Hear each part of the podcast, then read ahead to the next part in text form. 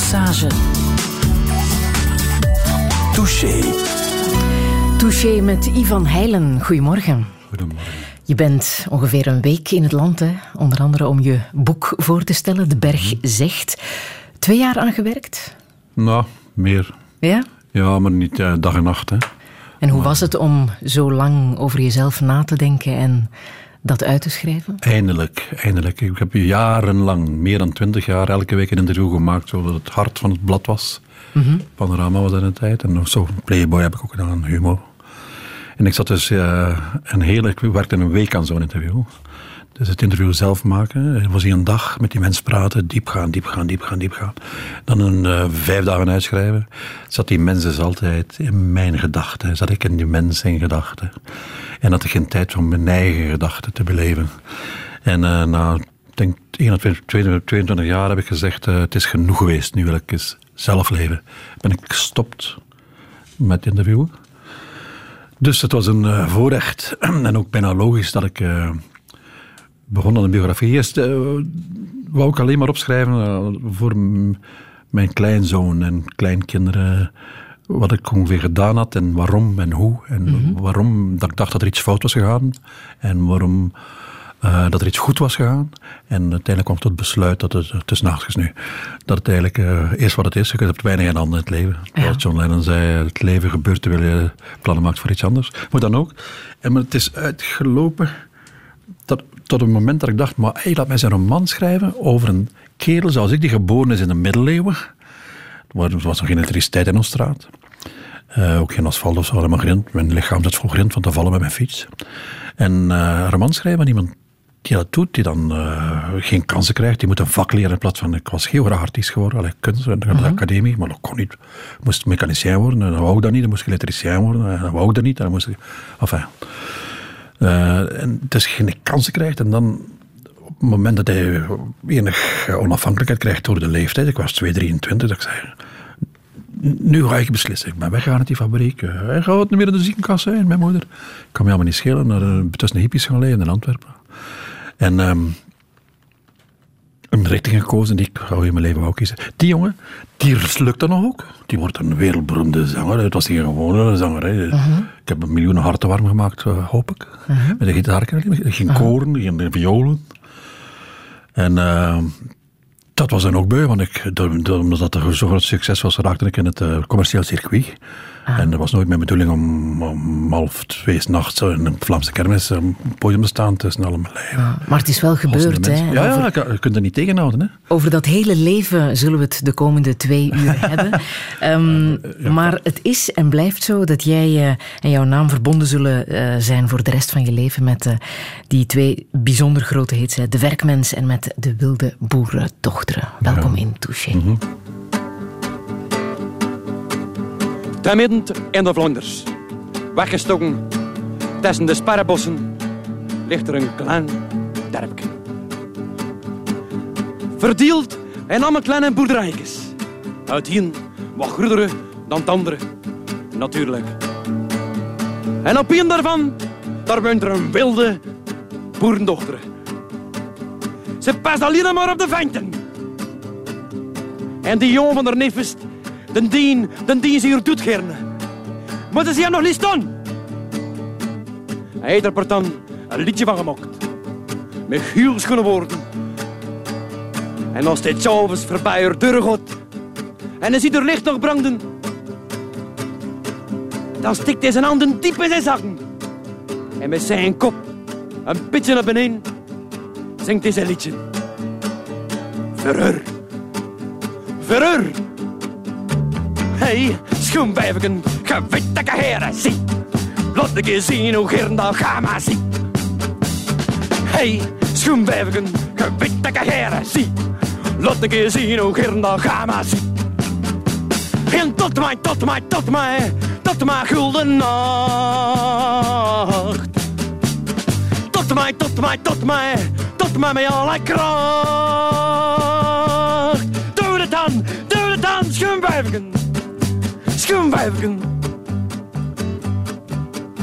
Maar ja, wat doe er aan? Zo'n zot geweld, dat valt het zomaar niet stille. En elk jaar Met potten van de boom begint dat opnieuw. Ruwen schieten vier. Ze moeten daar hier stil en ze wilden zijn wilden. En dan is dan hier stil. Maar zijn vier, dat is ze gewoon niet te zien. En als de Chavis voorbij het deur gaat en hij ziet er licht nog branden, dan stikt hij zijn handen diep in zijn zakken. En met zijn kop een beetje naar beneden zingt hij zijn liedje. Verreur. Verreur. Hey, schoenwijfken, gebiedelijke heren, zie. Laat ik eens zien hoe gern dat gamma zie. Hey, schoenwijfken, gebiedelijke heren, zie. Laat ik gern dat gamma zie. En tot mij, tot mij, tot mij, tot mij gulden nacht. Tot mij, tot mij, tot mij, tot mij met alle kracht. Doe het dan, doe het dan, schumvuiven. Schumvuiven. En de jaren gaan voorbij. En zo werd zij 29. En ze kwam een keer van de messen alleen tussen de velden op een welen. En hij zag er. Dat is nee of dat is nooit, paasje. Hij door tenen. En hij zei wijfken. Ik zie je. Ik heb er een liedje van gemaakt. Hey, schoenwijfken, gebiedige heren, zie. Laat ik je zien hoe gern dat gamma zie. Hey, gebiedige heren, zie. Laat ik je zien hoe gern dat gamma zie. En tot mij, tot mij, tot mij, tot mij gulden nacht. Tot mij, tot mij, tot mij, tot mij, tot mij, tot mij met alle kracht. Doe het dan, doe het dan, schoenwijfken. Schoenwijfken. En zo goed geluisterd. En binst, dat ze hem een todde gaf. Schattige ze, weer gat. Van Heilen, de wilde boerendochter. Het nummer is ondertussen 40 jaar oud, hè, dit jaar. Wat denk je zelf als je dit nu terug hoort? Um, ik hoor heel veel energie en ik begrijp nu waarom uh, de mensen denken dat ik uh, dat soort persoon ben, dat nog altijd zingt en doet. -huh. Op manier ben ik dan nog wel natuurlijk, de basis is dezelfde. Maar begrijp de, sommige misverstanden. Uh, ben altijd, ze spreken me altijd aan eigenlijk als hey, werkmens, ja. of is gewijvigen. -huh. Je noemde dit ook een protestsong. Dat is het. Ik was protestzanger, hè. de werkmensen. Was, daar -hmm. hebben ze stakingen mee georganiseerd. Dit ook. Dat was een protest tegen de, de vrouwen die van mijn leeftijd toen. Die vielen op kerels die eruit zagen als een kerel. En ik, die eruit zag als een dichter was een kerel, maar dat zagen ze niet. dus dat is, uh, zijn vier valt ze gewoon niet op, maar evenwel dat vier. Maar uh, jonge, veel jonge vrouwen, en vooral die, die ik toen op dat moment prefereerde, uh, die vielen op macho's. Hè. Ja. Sterke mannen, zo gezegd. Hè. Maar die na drie weken beginnen dan te blijten, zoals jij weet waarschijnlijk. en Waarom? ik niet, hè. ik weet nooit. oh, omdat ze, whatever. Het was niet aan kunnen het leven. Nu, het was, uh, je, je, opende wel deuren, want het was iets dat nog niet bestond. Ook in Nederland was dit nummer razend populair. Zo populair dat André van Duin daar zelfs een uh, persiflage, persiflage op uh, heeft gemaakt. Hè? Op het land waar het leven goed is, woonde de zomers in haar tweede huisje een wilde stadse meid. Allemachtig, dat was maar er eentje. Altijd dwaalden haar wilde blikken naar de tamme boerenzoon van de boerenhofstee aan de overkant. Naar dat brok natuur zonder uitlaatgas. Maar hij zag haar niet. Lucht was ze voor hem. In haar wanhoop heeft ze toen een liedje geschreven. Met hele hete woorden. En als ze s'avonds een schoon luchtje schepte en ze zag het, flauwe schijnsel van zijn nachtlampje achter, het slaapkamergordijn, dan slaakte ze een bediepe zucht. En met haar hoofd een beetje schuin omhoog, zong zij haar liedje. Voor hem. Voor hem. boeren, boeren, De tamme boerenzoon heeft eh, André van Duin het genoemd. Was jij vereerd met deze parodie? Nee, Nee. nee, nee waarom niet? Gechoqueerd. Eh, ik had jaren gewerkt om, eh, dus aan mijn zangerij.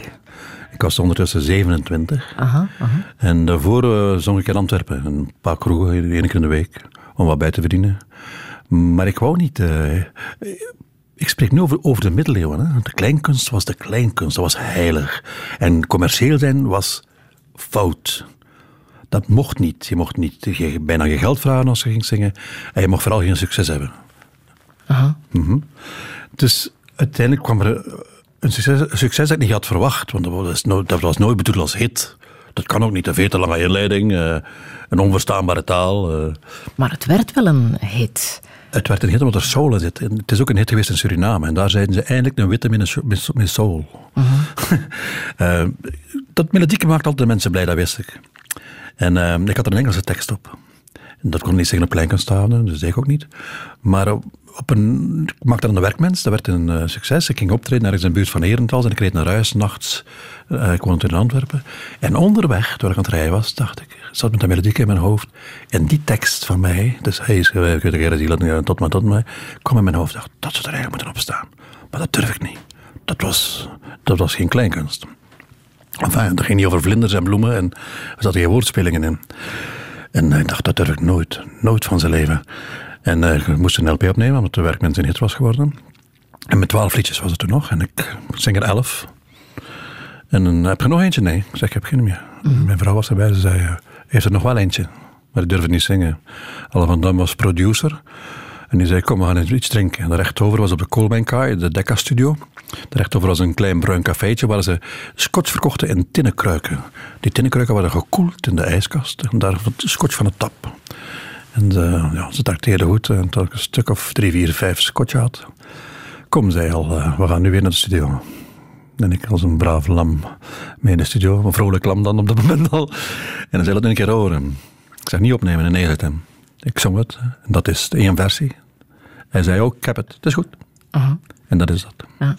Het was al zo straf dat je ooit bent gekidnapt geweest hè? door... eh, Ja, door, ja, door de boeren dus. Door de boeren, boeren. protesteerden toen. Er waren grote boerenstakingen. Ze zetten ook de wegen af. En, en ik mocht altijd door. Dus ik moest optreden. Zetten de wegen af. Ik zei, hey, maar ik ben ik niet van... Oh, die worden door. Kom jij maar door. Ze leidden mensen. Ik, ik moest naar een optreden. Dus. Enfin, die andere mensen moesten ook naar werk, maar ik mocht door. Tot een bepaald moment dat er eh, ergens in Valkenburg, in Limburg, twee eh, streven, struise boerenzoons op mij afkwamen en zeiden, zeiden we gaan u ontvoeren, we willen ons gebruiken in ons protest. Tegen, eh, ik weet niet wat ze protesteren, dat de eieren te goedkoop waren of zoiets. zeker. En dat is echt gebeurd. Ze hebben jou Maar echt ik zeg ja, en als ik niet mee ga, wat ga je dan doen? Dan gaan we u meenemen, zeiden ze. En ik, ja, enfin, ik was niet aan te doen. Ik werd in een auto gezet en ik werd eh, vervoerd naar een voor mij ook onbekend adres. Op een boerderij werd ik op de zolder gezet. Ik werd goed verzorgd. Dus ik kreeg zelfgemaakte wijn. eh, ik kreeg ook eten. Zij het eh, bloedworst met appelmoes. Ehm, en eh ja, het hebben we er drie dagen of zo gehouden zeker. Het was eigenlijk prachtig. Dit was een enorme promotie. Elk uur op het nieuws. En Ah, de heilende, de ontvoerder is altijd niet teruggevonden. Niemand weet wat zijn Lotte zei. Leuk, elk uur zat het nieuws te luisteren. Oh. Dan nog eens op het half uur soms, morgens om het half uur. Zalig. Maar eh, na een paar dagen word ik wel... eh, want die boeren waren... Het zijn ook geen gewone mensen, hè, boeren. Hè. En ze Nee. werden begonnen kwaad te worden. En dacht, ze biedt gewoon mij toch nog... eh eh, halsrechten. Maar enfin, het is goed afgelopen.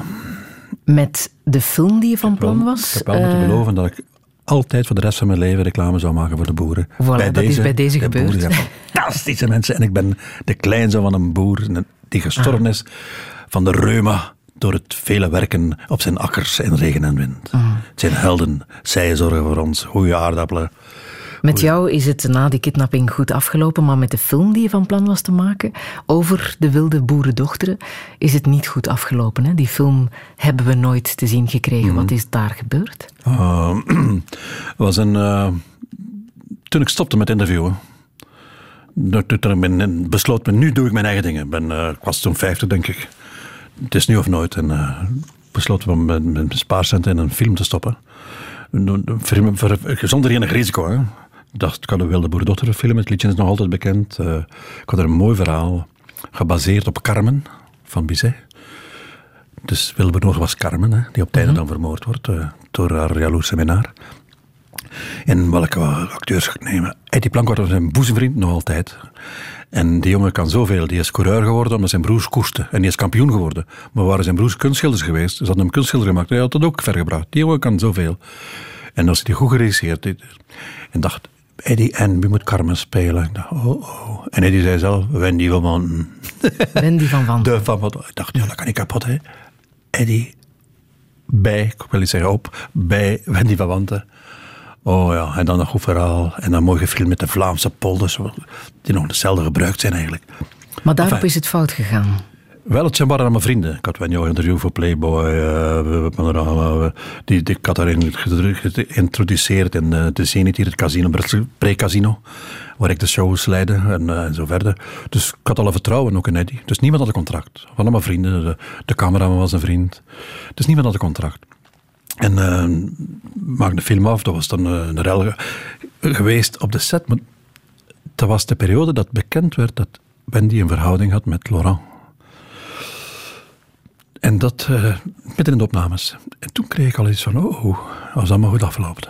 Enfin, om het kort te maken, een dag voor het einde van de opnames stapte de staf mee. Er werd niet genoeg verzorgd of zoiets. Ruzie tegen mij, wat denk je wel dat je zei? gewoon verdacht dus heeft gespeeld wat ze moest spelen. Ik monteerde film en we zien wel. Dus ik heb daar drie maanden postproductie aan gedaan. En toen bracht ik de film uit en ik stapte naar het laatste nieuws. En ik zei, kijk, ik wil de film lanceren als jullie morgen op de voorpagina een grote foto zetten. Van Eddie met Wendy in zijn armen dan krijgen jullie de exclusiviteit. Zanderdaags, grote foto. Ben Krabbe had een praatprogramma. Die nodig mij meteen uit. Uh, en zijn avondprogramma op televisie. En ik kom daar hier aan en het BRT-gebouw. En er sprong een figuur uit de duisternis. En dat was een deurwaarder. En die stopt mij een, een uh, papier in de handen. En er stond op dat uh, Wendy klacht indiende. Uh, dat de film niet mag verschijnen en zo verder. Dus dan wordt gerecht gekomen en die rechter heeft daar gelijk gegeven. Ondanks 30 getuigen die ik had, dat iedereen wel wist dat het film was. Uh, zij zei, het was een proefje. En de rechter verbood de film. En is nog altijd verboden voor zover ik weet. Mm En voor mij was dat een ramp natuurlijk. Een financiële ramp. En uh, een half jaar gewerkt. ah, ja. Voor iets dat nooit vertoond is geweest. Hm. Maar ja. Mhm. Maar wat niet is, kan nog komen. De film blijft mooi. Blijft een prachtig Vlaams product. Misschien uh, met Franske daarbij, dat hij verstand heeft om een compromis te sluiten. Dan kijken we daar alvast naar uit.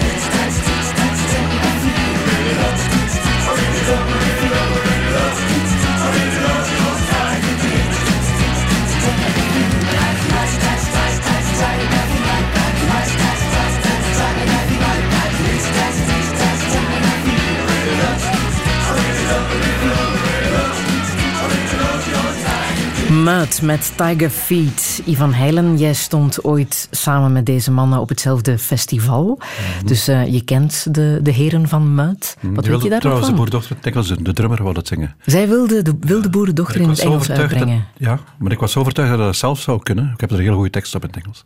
En dat ik, zelf, eh, ik wou het zelf zingen en dacht, ja... In Vlaanderen bekend zijn krijg je 200 uh, gulden. Allee, in Holland dan 200 gulden. In plaats van 100 gulden, als je de wereld kunt gaan, is dat 2000 of 20.000 gulden. Hè. Ik, ik zie het niet, maar mijn eerste grote stomme tijd was. Ik zei, ik zal het zelf doen. Hallo. Ik heb, ik heb niet die niet en mm -hmm. met die maatschappij en dingen. Mm -hmm. Ik had die gewoon moeten laten doen. Spijt, ik heb geen, van geen, niet spijt. Het, leven het is wat het is. De beslissingen zijn wat ze zijn. Uh, ik heb dat in, altijd in volle, met volle hart en overtuiging gedaan een overleg met mezelf. Dus waarom zou ik spijt hebben? Maar het betreur het wel.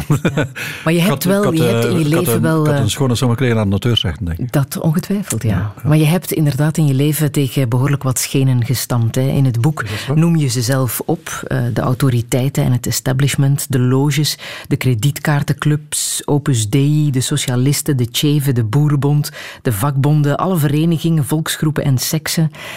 Was het de moeite waard? Ja, want ik heb niet tegen schenen gestampt. Zij hebben tegen mijn schenen gestampt. Ja? Op welke manier? Door uh, een houding bijvoorbeeld. Ik herinner me de Lions Club. Die vroegen mij als testo ergens van optreden. En dan zeiden ze, oh, maar wat doet het is geen kleinkunst. We gaan u niet meer vragen. Ik vond dat verschrikkelijk. Ik vind wat ik doe, van ik verder gaan. Dan krijg ik artistiek nog verder gaan eigenlijk. Met gedurfder, uh, uitgebreider, extremer, uh, dieper ook. Vind ook, uh, een tijd zongen ze nog van ik was een... Dat zongen ze bijvoorbeeld. poten en dan moest ze rijmen op... eh eh. Voilà. En ineens, ik, met sociaal gegeven, het werkmensen bijvoorbeeld, Gustaaf, ik, weet niet of ze dit kent, mm -hmm. zeggen wat er aan de hand is. Taal. In mijn interviews ook.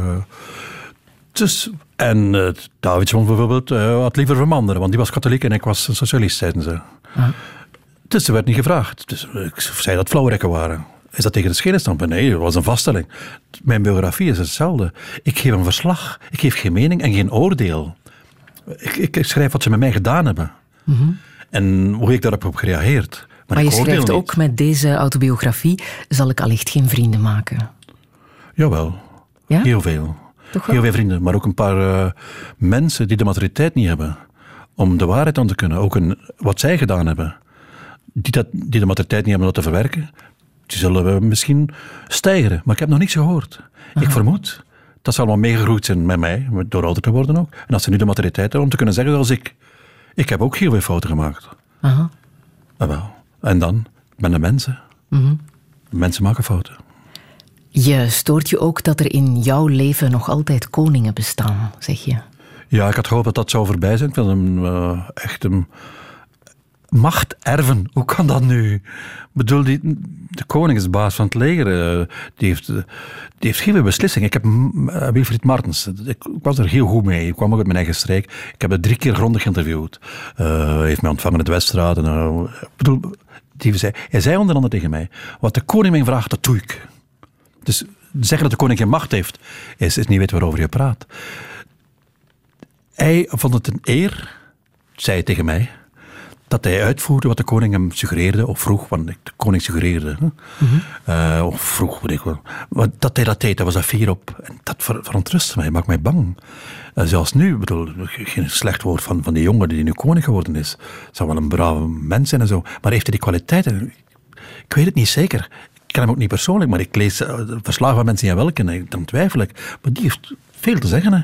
Ja. Heel veel. En ze beweren dat die waar is. Wel waar. En dat de, bijvoorbeeld de liberalen altijd toelaten. Dat, uh, en zo verder.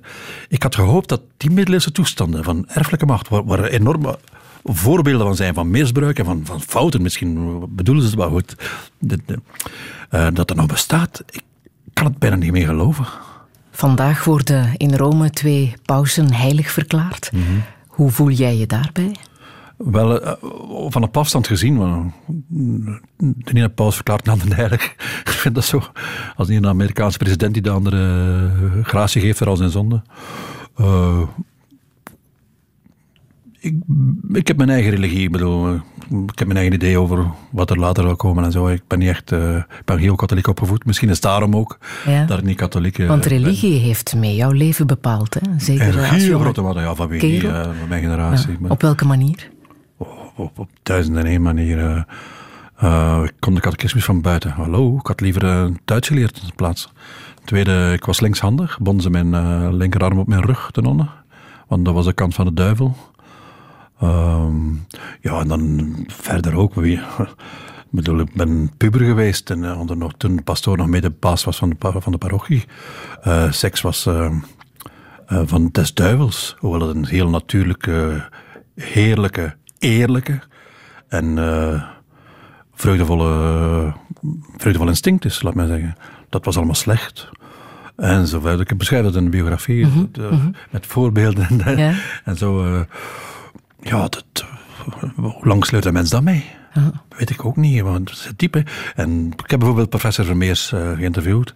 En die zei mij, is zoiets, hè, en dat, dat, ze mensen, dat ze tegen de mensen zeiden, heb je een kleine, maar meestal middenstanders die aan kinderen naar de school deden, heb je een kleine die wat moeilijk is, steek hem bij ons, wij maken er wel... Uh, dat hij, wij maken dat hij in het gareel loopt. Maar ik ken zo jongens die daar in het gareel leren lopen hebben, dat komt nooit meer goed. Hij zei dat ook, en het komt nooit meer goed. Ze worden nooit meer uh, wat ze geweest zijn. Maar je hebt daar zelf toch ook last van gehad, dat je in het gareel moest lopen, dat je moest biechten, dat je je zonden moest uh, mm. bekendmaken? Maar op mijn elfde heb ik het laatste keer gebiecht. Mm -hmm. Op mijn elfde. Ik moest daarna mijn plechtige commune doen. En ik masturbeerde toen al. En ik vroeg mijn eigen af, ga ik dan nu biechten of niet? Dacht, ik ga het niet biechten. En daar ben ik opstandig geworden. Daarover heb Op dat moment, ik was maar elf, en toen, toen heb ik mijn wagon losgekoppeld van de, van de, de rij wagons mhm. achter de locomotief. En waarom voelde je, dit zit niet juist? Oh, niet in die bewoordingen, hè. maar ik, ja, ik voelde me daar niet lekker bij. Ik, ik je wou je vrijheid? Ja, niet in die woorden. Ik wou, ik wou niet meelopen, ik wou niet meedoen. En uh, pas op, het was wederkerig. Want die pastoors waren, zijn nooit achter mij gekomen bijvoorbeeld. Aha. En dan sommige andere jongens wel. Maar mij niet. Ik was nogthans niet lelijk. ik was lief eigenlijk. Ja, maar te stout, denk ik, te, te eigen gereid. Radio. Radio 1. Altijd benieuwd.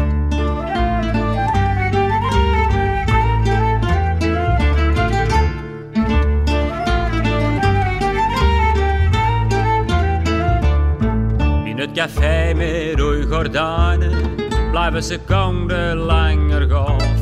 Want een horloge is er laaier en de minuten kruipen traag. Op de marmer witte tafel, in de donker wijn, in gedachten zang der woorden, in de schaduw zang der pijn. Op de marmer witte tafel, in de donker wijn. In gedachten zang der woorden, in de schaduw zang der.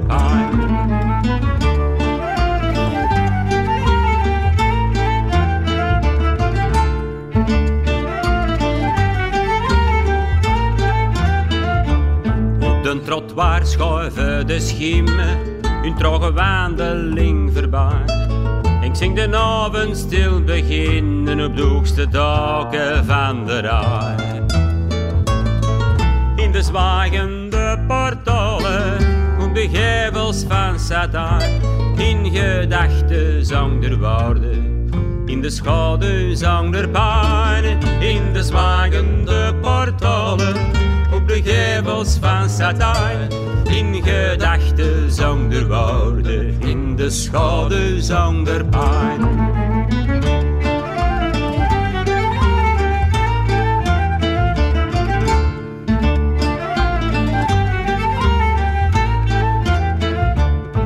Oranje lichten tussen glazen, zomen een tadeloze zang. La lampen van Carthago, duizend jaren geen belang de schijmerige muren, in de bomen van het plein, in gedachten zang der woorden, in de schaduw zang der pijn, op de schijmerige muren, in de bomen van het plein. In gedachten zonder woorden, in de schaduw zonder pijn.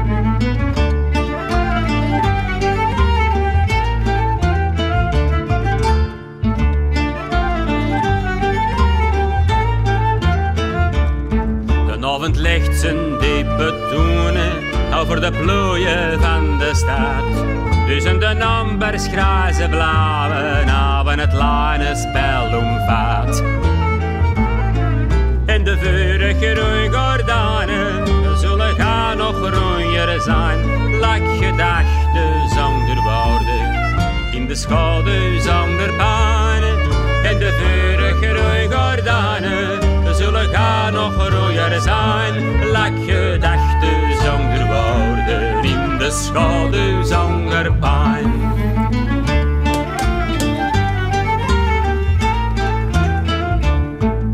Wannes van de Velde en café met Roy Gordijnen, Ivan Heijlen. Dat café met Roy Gordijnen, moet ik zeggen, op zijn Antwerps. Dat, eh, dat was jouw café, hè? Ik kwam daar vaak, uh, Wannes. Uh, vooral niet zozeer voor mij, denk ik, wel mij graag had. Maar vooral voor Lutgard, mijn partner. Die het mijn café, partner café openhield. Ja, ja, ja. Café openhield. Quartier Latin was dat? Quartier Latin, ja. Achter de Bourla. Ja. Ja. ja. Jouw café, waarom wou jij een café openen? Wel, ik, wou, ehm, ik heb heel mijn leven nooit een vast contract gehad, nergens. Dus niet, eh, ik had nogthans vijf kinderen. Waar ik moest, eh, ja, heb ik elk schooljaar zeven boekentassen verkopen, of zes boekentassen, of vijf boekentassen. En, ehm, en als veiligheid, ik had altijd schrik dat ze mij zouden ontslaan. Of, moet zo zien, ik schreef een interview, ik gaf dat af, de vrijdag. De maandag belde Karel Antires, mij die de hoofdredacteur was. En Van was zo, Panorama, Van Panorama. En hij zei, Ivan, goed, redelijk goed. Dat was, dan kreeg ik geld. En hij zei, ik heb een probleempje. Pank, heb ik hier geld. Dus je moest wel iets achter de hand hebben Ja, en om je vijf dochters te kunnen gaan, opvoeden. Mhm, eh, dat blad en zo verder. En uit grote schrik eh, heb ik dat... Ik zag Lutgard bezig in uh, de Arme Duvel in Antwerpen. Met eh 17 pinten op tegelijk, eh, zich door de menigte wringend. En ik zei, waarom doe jij zo'n café? Ja, ik heb het geld niet.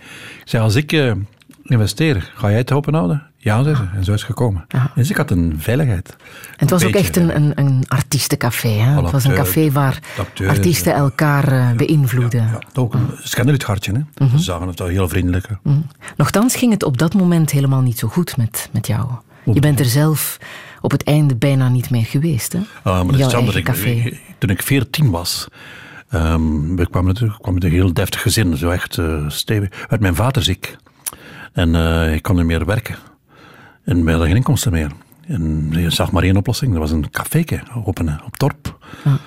Dat was een schok voor iedereen, voor mijn moeder, voor, voor hem. En voor mij zeker. Ik was 14, dat is al een moeilijke leeftijd. Eh, ik sliep daarboven, dat was zo'n een, een klein huisje. Dat was met een dun houten plafonnetje.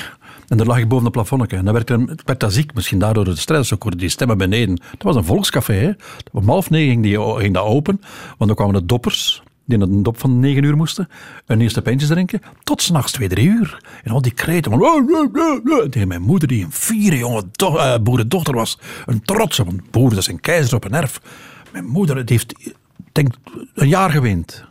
Ze stond daar een toog en kwam ze even nachter bij mij. "Eh, kan dat niet, kan dat niet. En na een jaar eh, werd ze een geslepen hoe je café was. En, maar voor mij was dat, ik vond dat verschrikkelijk. Dat is dat de mensen. Ik vond dat heel erg. Maar als je wist wat een café inhield, waarom wou je dan zelf Voilà, dat is zo. dat café? Ja, dat is een soort vloek. Je- je- je hebt zo- ik had zoiets van, ik moet dat doen. Ik had ook geen andere uitkomst. Welk andere bijberoep kon ik zoeken? Want je wist hoe dat moest. Je wist hoe het ging. Ik wist, als je daar een bak bier achter zet, doet de deur met geld. Ja, dat is het voordeel van een café. Maar eh, eh, na twee maanden zei ik uit hart, ik kan ermee stoppen, ik kan er niet meer tegen. Ik kan daar niet meer tegen. Ze zei, Ivantje, je moet er niets mee stoppen. Laat om de week een keer je, kop zien, op de vrijdagavond of zo. En ik zal wel het café runnen. En dat heeft ze gedaan. Ze heeft dat perfect gedaan. Ja. Waarin lijk jij op je ouders? Nou, dat is een heel moeilijke vraag. Want ik heb, ik heb de zachtmoedigheid van mijn vader. Wat u aan mijn liedjes misschien zou zeggen, maar dat is gewoon maar zingen. En ehm, de nieuwsgierigheid van mijn moeder. Dat was, ja, het is alles om eh, reporter te worden. Jouw vader En, was ook eh, een, eh, een soort artiest, hè? Ja, ook, ja, de mensen kregen een kans. Mijn vader was de eerste.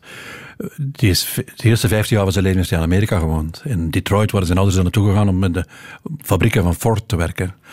En waren teruggekeerd. Hij kwam, kwam naar België op 14, 15 jaar en hij kende geen Vlaams. Eh, eh, die was des, des kansarm. En die was dan trucker geworden. Ja, dan kon hij wel met een auto rijden in Amerika, leerde dat wel. En ehm, ja, maar hij, is een, hij speelde trompet, eh, muziek was zijn leven. En toneelschrijven. Hij schreef toneelstukken, bonte avonden richtte hij in, waar ik altijd moest in opdraven. Ja. Dus ik herinner mijn toneelstukken. Ik was net oud genoeg om iets te herinneren, dus een jaar of vier, vijf. Ik zou ook nu spelen. Ah, stout kind, zei hij. Toen moest ik op een damesschool zitten ergens, dan moest ik zo stout zijn. Het volgende moet ik nu doen? Eh, spelen met braaf kind. Zo'n dingen. En maar zo, zo verder. Ik heb heel mijn leven moeten zingen, want ik had dan een mooi stemmetje. Ik kon Susanina bijvoorbeeld heel mooi zingen Ah, op kerstdag. ja. Zo'n kinderstemmetje, hè. Ik zou het niet zeggen, hè. Maar, ehm, Maar hij was een vrolijk figuur, heb ik de indruk, jouw vader. oh ja. Een man die alles aan kon qua eh, zorgen. Maar die ziekte dan. Ik heb dat ook wel, ja. Veel endorfine. Ik heb... Waardoor ik zo lijkt me heb. Oh, man, de meeste mensen zouden het afstappen, denk ik. Maar ehm, eh, ja, en mijn moeder was dan weer de, de doorzetter, de, de, de boerendochter. Een klein boerke, eh, altijd maar werken en, en doorzetten. En nieuwsgierig naar de buitenwereld. hè. En had zij die vrolijkheid? Minder. Ik moest voor haar eh, ook zingen, maar dat waren smartlappen. Eh, Jantje op het kerkhof en zo. En dan weende ze. Ja? Ze had twee kindjes dood. Voor mij. In de wieg, na acht maanden of zo. Dat zijn drama's. Het waren er geen psychiaters, ze worden nog niet en de libellen niet. Om, om, om, het gevoel om te lezen hoe dat je dat moest aanpakken. Ze waren gewoon dood en ik was het volgende. En ik was ook zo'n klein fijn dingetje. Ik had dezelfde ziekte, slijmziekte. En eh, ik ging dus ook doodgaan. Dus op voorhand was ze al afstand genomen van mij. En ik bleef dan leven, omdat de Amerikanen met bevrijding aankwamen. Mijn vader kon Engels en die hadden penicilline erbij. En zo hebben ze mij de, Ah. erdoor gekregen. En ik kon uitleggen wat ik had. En die zei, maar we hebben een beetje penicilline. Dat bestond niet toen nog niet. En mijn moeder had dus maar één schrik voor de rest van mijn leven. Ik mocht nooit niks doen. Ik mocht niet over een graag springen. Ik mocht met de fiets niet rijden. Maar ik ging toch dood. Ik mocht vooral niet doodgaan. Ja. Ja. ja, ik kan mij voorstellen dat dat eh, haar heeft getekend, Oh, In- Het tekent vernietigd. vernietigd. Ja, absoluut. Dat is wel heel hard. Dat, ze jullie, dat jullie die vreugde dan niet hebben kunnen terugbrengen. Ehm, dat was iets te klein voor. Ik zou nu ik zou eens goed met mijn moeder kunnen praten, maar ehm, hard. Ik heb een hele mooie jeugd gehad, hè. Maar eh, dat ging altijd toch als een schaduw over ons. Mijn moeder, eh, laten we mij zo zeggen, ze heeft haar hart pas kunnen op- openen voor mij toen ik al meerderjarig was, denk ik. Daarvoor durfde ze niet. Dus ik heb nooit echt de moederliefde gekend. Nooit geen gehucht geweest. Ze heeft me nooit gehucht. Ze zei alleen maar, wie zit het liefst van heel de wereld? Ze nam mij apart. Ze zei, wie zit er liefst van heel de wereld? Dan zei ik, mezelf. Nee, zei ze, mij. Ah ja, jou. Maar het kwam ergens vandaan natuurlijk. En je weet Natuurlijk. van dat waar. moet verschrikkelijk geweest zijn van een meisje. Welke dromen had jij als kind? Wat, wat wou jij worden? Schrijver worden. Toen al. Oh, ik had zo'n werkschrift, de tijd, ja, het papier was toen nog duur, had zo'n werkschrift van 200 bladzijden, zo met goedkoop papier. Ik had dat en ik, ik, in plaats van er eh, mijn huiswerk te maken, schreef ik er een boek, hè, eh, maar dat was dan over een rover die een grot vond met, met schatten in. Mijn neef woonde bij mij, want die zijn vader was verongelukt. En die woonde bij ons, en dat was vijf jaar ouder dan ik. En ehm, die vond dat. Ik had zeker het nou volgeschreven, is 100 bladzijden. Die zat, ah, ik heb dat nodig. Die schudde die 100 bladzijden eruit, schoot die in een vuilbak en gebruikte dan eh, voor zijn huiswerk te maken. Ben gekweld geweest, hè. Een gezinsleven, dat wou je ook, hè? Dat je een gezin wou, was ook wel snel duidelijk. Daar zeg je ineens. Nee, Nee? ik wou overal.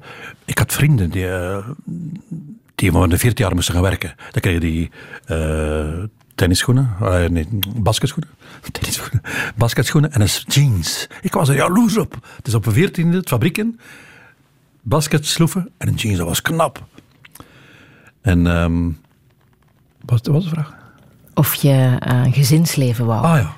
En, en ehm, het ging er dan mee uit met die gasten. Ik ging maar naar school, maar die mochten wel wat langer wegblijven bij mij. Maar die, werden dan, die kregen een lief. En die moesten trouwen op een 17, want de pil was er nog net niet eh, algemeen.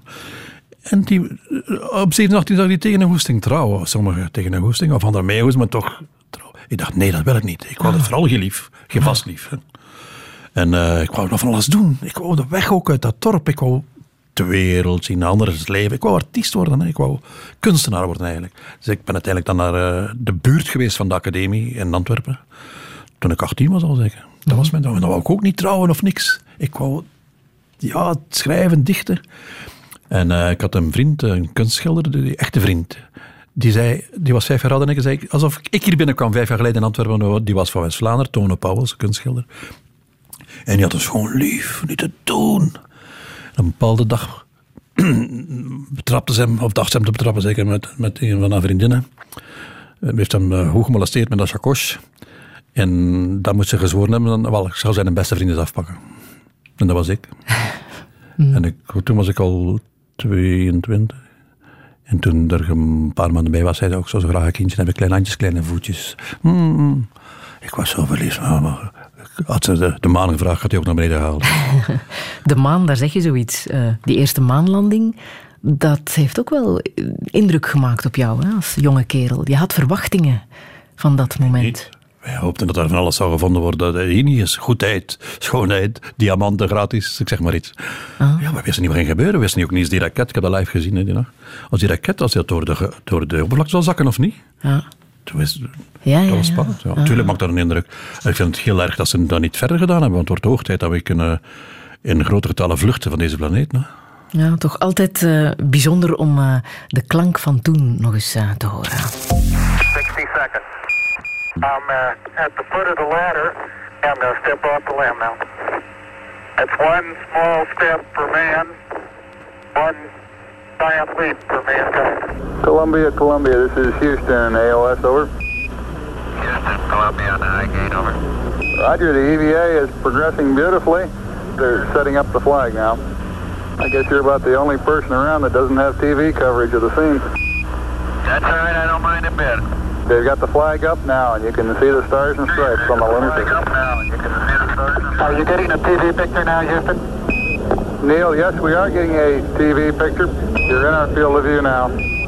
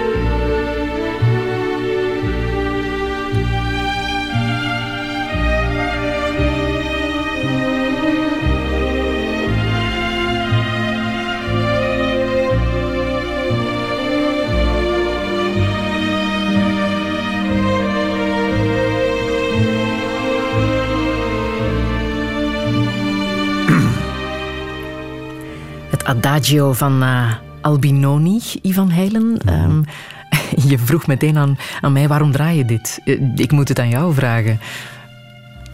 Dat is een van mijn uh, favoriete liedjes geweest. Uh, nadat ik gestopt was met zingen. Dus na vijf jaar kon het niet meer. Ik was totaal leeggebrand, uh, burn-out, zullen ze nu zeggen. Een duizend of duizend optredens en alles, ah. alles Ik had dat niet onder controle. Ik was uitgeput en daar heb ik, daar heb ik een krot van een boerderijtje gekocht. En dat uh, erop gewerkt tot iets moois. En tijdens mijn herstel, zo gezegd. En dat, speel, dat liedje speel ik altijd. Moet eens luisteren wat wij moet daarin zetten. -huh. Hoe erg was je er dan aan toe als je zegt burn-out? Ik was compleet opgebrand. Ja, energieloos, alles. -hmm. Ja, en uh, dacht, wat heb ik gedaan? Ik schreef zo graag liedjes en ik zong ze graag. En waarom heb ik me toch laten verleiden? Maar het was niet verleiden. Er waren nog geen managers. De generatie na mij heeft managers gehad. Urbanis uh, van het Groenewoud. Maar ik, ik, had een telefoon, dat was al veel. Dus van, die telefoon rikkelde de hele dag, want stond overal... Uh, mm -hmm. sorry, hè. Maar over nummer één. Dus. En ik had een prijs, ik verdiende toen uh, 16.000 frank in, in, in, in fabriek in de maand. En ze boden mij 8.000 frank om, om, om, om een half uur te zingen. Mm -hmm. Een uur, tijd plakt er niet op. Ik bedoel, een halve maand, zo rekende ik. Dus ik verdien een halve maand op, op een avond. Dus ik ben rijk betaald. Maar nee, ik stond nummer 1 in Nederland. De Beatles stonden er 13, de Stones stonden 4, ik zeg maar iets. Hè. Tom Jones was nog niet te bespeuren. Ja. Maar je moet zo rekenen. Zeiden mij achteraf. Achteraf zeiden ze mij bij de platenfirma. Had je een tientje, in Holland was het. Hè, een tien gulden per kop gevraagd. Die was miljardair geweest. Dus en uh, ik had alles niet aangenomen. Mijn vrouw kon er niet meer tegen dat die telefoon heel dag rinkelde. Dus een, andere dame, een andere huisvrouw, wou iets bijverdienen. We hadden 10%. Als, zij moest alles boeken. Dus wat, wat deed zij? Uh, bijvoorbeeld in de, de, Sertogenbos was een optreden om 8 uur. Dan belde iemand uit Tilburg. Ja, maar die datum is bezet, meneer. Ja, maar het is maar om 10 uur. Dat kan hij toch van Sertogenbos. Dus ik vroeg haar eh, na een paar maanden. Ik was bang, ik had mijn, mijn werk in de fabriek opgezegd. Ik was bang dat ik geen werk meer zou hebben. Ik vroeg haar altijd: uh, Kom de optreden zo binnen? Ja, ja, maak er geen zorgen. Dus ineens bleek dat ik vijf jaar vol zat. Met drie, vier optredens per dag. Met één vrije dag op vijf jaar. En ik zong niet gewoon, ik zong niet van pep, pep, pep, pep. Ik zong. Dus dat vroeg heel veel energie. Mm. En die ene dag mijn vrouw had toen een, een tapijt gezien s'morgens in de winkel, als ze heel graag zou gehad hebben. En dat zat toch in haar hoofd ergens. En Jack Jersey was ziek. Die had een optreden in een sluis. Dat een 3000 Elvis Presley fans op hem te wachten. Want die, dat was een In the Still of the Night. En die, die bellen mij op. Alleen mijn vrouw, ik was gaan wandelen in het uh, Middellijnpark om wat te relaxen. En, ja, en ze bellen mijn vrouw op en zeggen, wil hij komen? Ah nee, wanneer, eigenlijk is het vrij. Want, ze had mij moeten wassen in bad, ik kon niks meer bewegen. Ja, maar hij mag vragen wat hij wil zetten. En ze vroeg de prijs van het tapijt. Ik kwam thuis en zei, je hebt werk vanavond. S'avonds kwam ik daaraan, om 12 uur. Er zaten 3000 fans al heel de avond Elvis Presley liedjes te zingen. En die man zei, de, aan, die het ik heb goed en slecht nieuws. Slecht nieuws is, Jack is ziek. Oh, iedereen. Het goede nieuws is, Ivan Heilen. En iedereen, boe. En ik was nog moer. Nog vermoeider daarna natuurlijk. Maar nee, ik heb toen anderhalf uur gezongen. En ik had 3000 fans bij toen ik wegging. Ik ben begonnen trouwens met een lied van Elvis Presley. Je spiegelt je graag aan Charlie Chaplin, hè? Waarom? Spiegelen niet, maar zijn leven boeit mij enorm. Um, het eerste was ik een... Ik heb hem altijd onderschat. Ik vond het een raar komiekje, maar hij was een groot filosoof. op mijn niveau dan. Mm -hmm. En uh, zijn leven boeit mij. Mm -hmm. Die is op een, zijn zestigste uh, weggelopen met de 18-jarige dochter van zijn beste vriend. Uh, de mm. grote schrijver, bij zijn naam even vergeten. En heeft er nog acht kinderen meegekregen. Zijn laatste zoon heeft het gefabriceerd toen hij 75 was. Wie zou zich daar niet graag naar spiegelen? Als je zelf naar je leven terugkijkt, is dat dan met trots of met frustratie? Vooral met uh, ik heb tevredenheid. Ik heb een, mens kan hier van alles tegenkomen. Ik heb dus enorm veel sounds gehad, bij wijze van spreken. Wat je allemaal kunt tegenkomen in het leven. Man, als ik die documentaires zie van Franks, denk ik, maar fijn toch. Ook de, de, de simpelste werkmens ergens is toch ja. een van de gelukkigste mensen. Maar toch tevredenheid. Ik, ik heb tevredenheid. Ik, kan, ik had veel dingen beter kunnen doen. Ik had graag nog meer talent gehad. En zo verder. Maar uh, dank u, lieve Nerke. Siraki spakeleto, tiletula tiletua.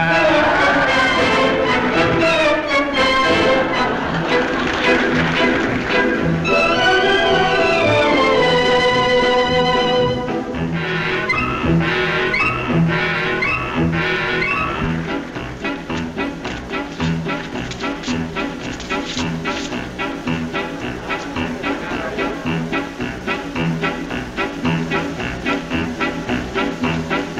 n'aurai plus la cime, voulez-vous la taximide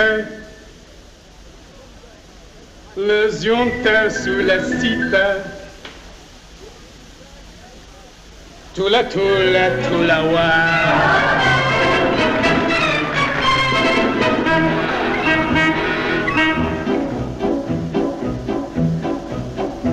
Ça monte si la mort, Lăsunția soprevără, lăzunșă, comme sœur. J'ai la peau de satire à toi.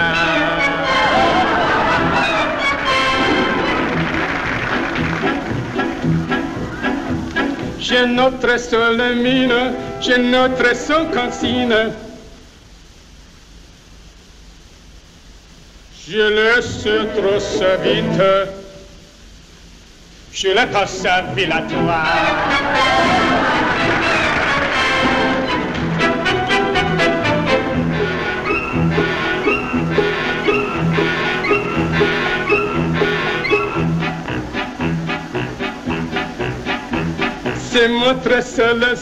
De bekende song uit Modern Times van Charlie Chaplin.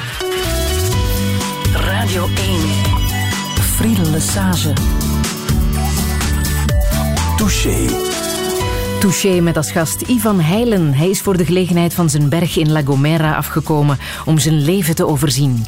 Een leven dat publiek werd toen hij 40 jaar geleden de werkmens en de wilde boerendochteren de hitlijsten instuurde. Allebei geïnspireerd op zijn eigen leven, dat zich tot dan toe afspeelde op de boerderij van zijn grootouders en in de fabriek.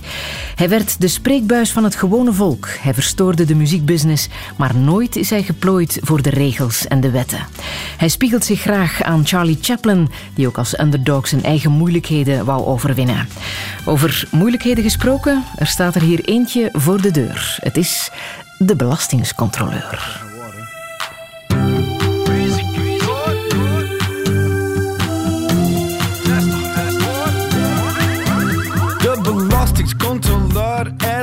Een kop gevonden. De rem moet ik mijn broeksriemen altijd maar versmol. Niet pak de bustek van mijn bord en jong dolte dan mijn slippen. Man, nooit komt er een woordje van dank over zijn lippen. Zijn oren zijn precies twee skele kakkerlaan.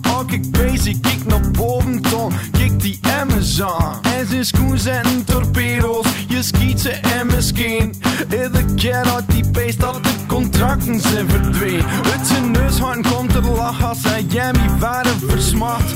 Onder de tafel eet hij nog misbaar voor een verkracht. Ja, hij is nog goed de Vlaming, de verhelderende gest. De koffer van Fabiola is zelfs Obi West.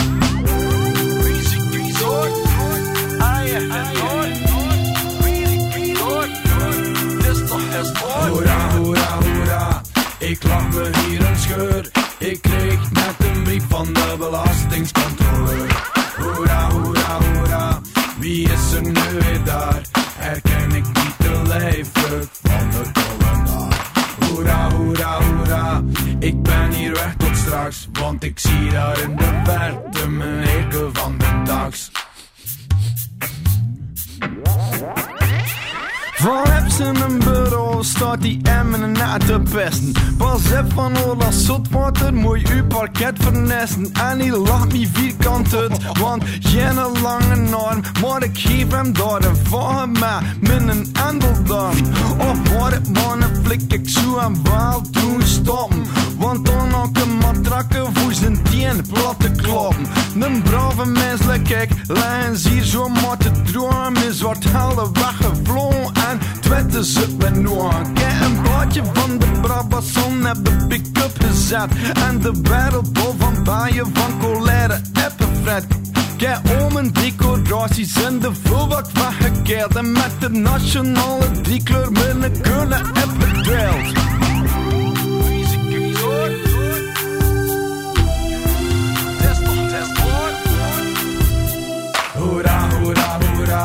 Ik lach me hier een scheur. Ik kreeg net een brief van de belastingscontrole. Hoera, hoera, hoera, wie is er nu weer daar? Herken ik niet de lijfdruk van de tollenaar. Hoera, hoera, hoera, ik ben hier weg tot straks. want ik zie daar in de verte mijn van de tax.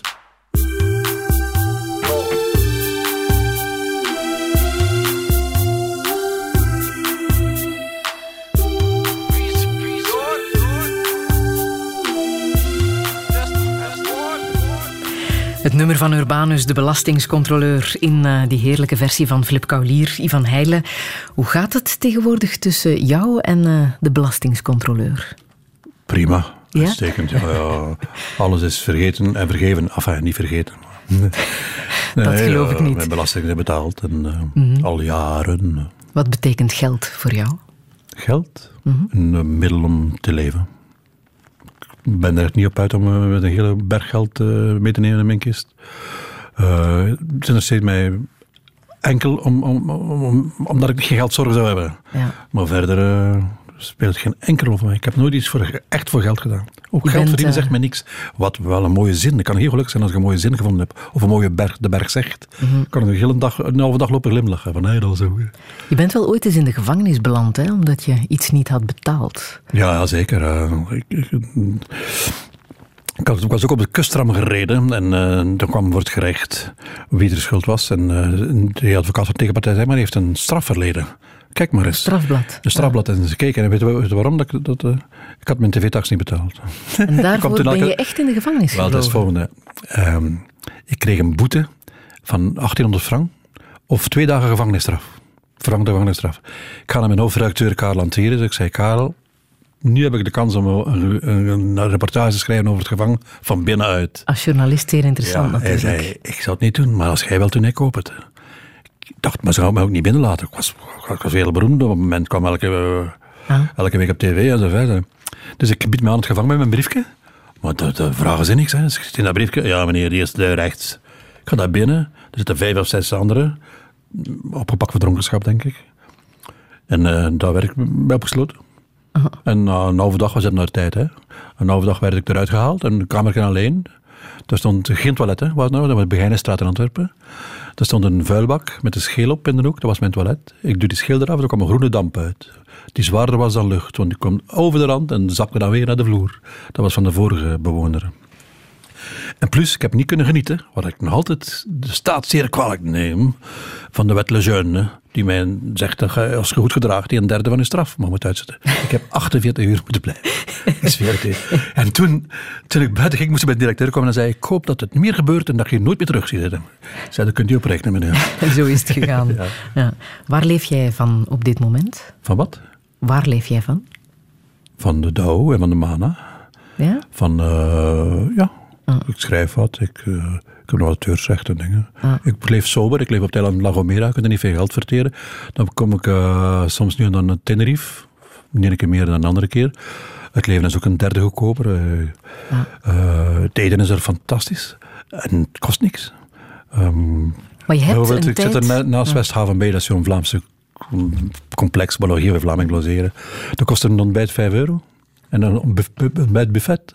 Dus uh, iedereen dat bijna eet ik uh, s morgens en dan pas s'avonds nog een keer. Ja. Maar je hebt een tijd lang, zes jaar dacht ik, in Monaco gewoond. Hè? Ja, ja, ja. Oh. ja. Hoe uh, heb je dat gedaan? Wel, um, toen ik bekend was, was het, had de, de weerman Armand Pien, de eerste minister, de koning en Wiltura, denk ik. En veel meer bewees waren niet. Dus die belastingcontrole. en Ivan Heilen. En, en ja. Ivan Heilen, ja. En, dan, uh, en ik kwam dan belastingcontrole en ze kenden dat job niet. Ze zei tegen mij, wat wat jij nodig hebt is een schrijfmachine en een gitaar. Dus trek dat af. Schrijfmachine, gitaar en de rest niet. Ze hadden geen enkel idee van de investeringen. Van, wat je moet voor, niets. Dus ik werd belast op mijn investering als winst. Dus ik investeerde, maar er werd gaan gezien... Nou, dus het was onmogelijk. Die strijd heeft 20 jaar geduurd. Het heeft mij enorm veel geld gekost. Aan advocaten, want opvolger van de zaak. Ken je dat? Opvolger van de zaak. Uh, 30.000 frank per maand of zo. Hallo. En ik, ik was bijna wanhopig, want dat, kwamen er presenten bij en dingen. En ik kon me niet weren, want je wordt niet verhoord. Dus, hè. Die beslissen zonder rechter. Zoveel, ja, zoveel boete. Hallo. En uh, ik, ik interviewde Jos Verbeek, de driver, de wereldberoemde driver. De beste van de wereld trouwens. Dag Jos. En... Um, en er was in, in Parijs. En, de, en ik zeg, Sos, we hadden nu naartoe. Het was nachts. Oh, naar Monaco. Zegt hij, maar gewoon daar. Ik zei, nee. Ga er mee, zegt hij. Ik zei, ja, wat ga ik slapen? Bij mij.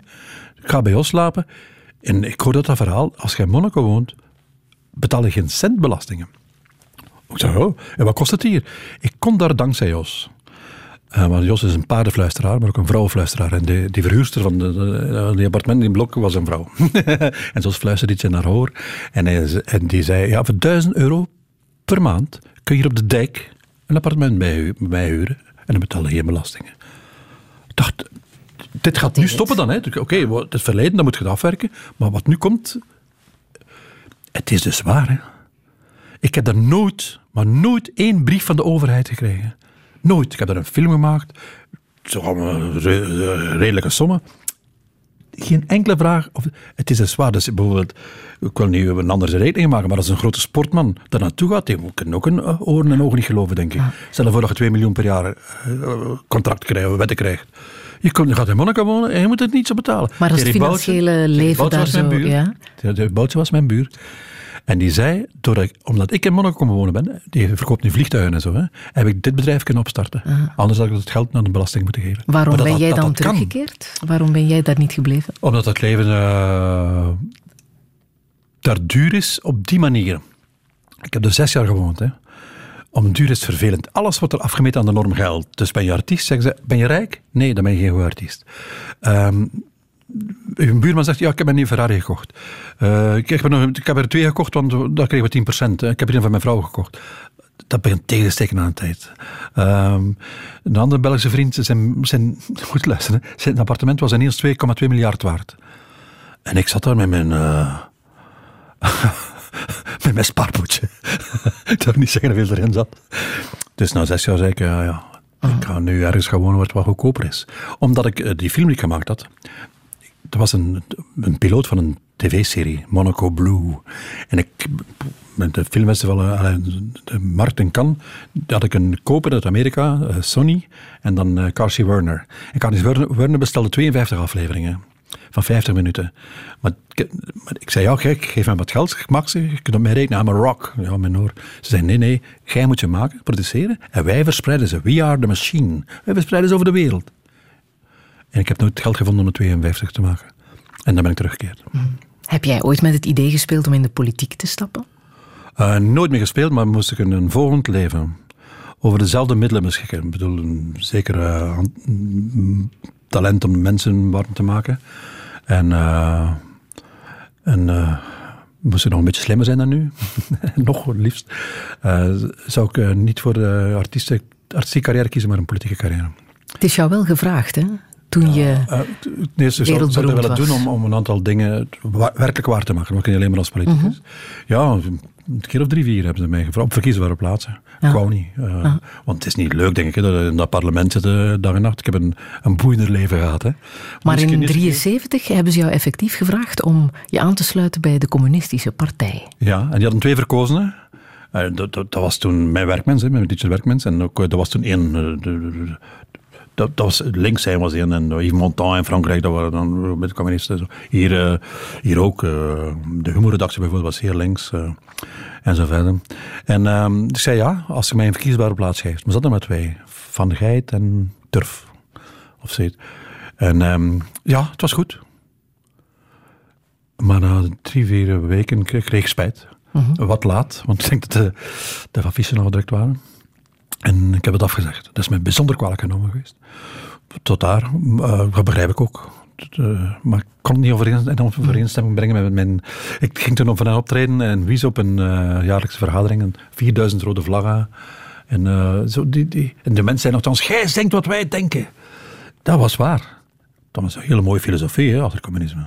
Alles gelijk verdelen en zo. Je schrijft in je boek ook dat er toen um, een staatsgreep werd voorbereid in die periode. Dat werd gefluisterd. Uh, Wat weet je daarvan? Nee, er werd gefluisterd dat de humorredactie zo links was, links was en dat er heel veel macht. Hè. Maar zo zien, er was maar één zender, tv, BRT, VRT1. BRT1. En Humor kraakte, die hadden zoveel invloed. Die kraakte mensen en bracht mensen aan en zo. En ja, een beetje een eh, complex de Keizer zeker. Er werd gefluisterd dat, daar, dat er besproken werd op de salonrevolutie, mm -hmm. denk ik. Dan de tweede keer dat ik gevraagd werd, was Van Rossen. Die keer dat het zoveel verkozen had.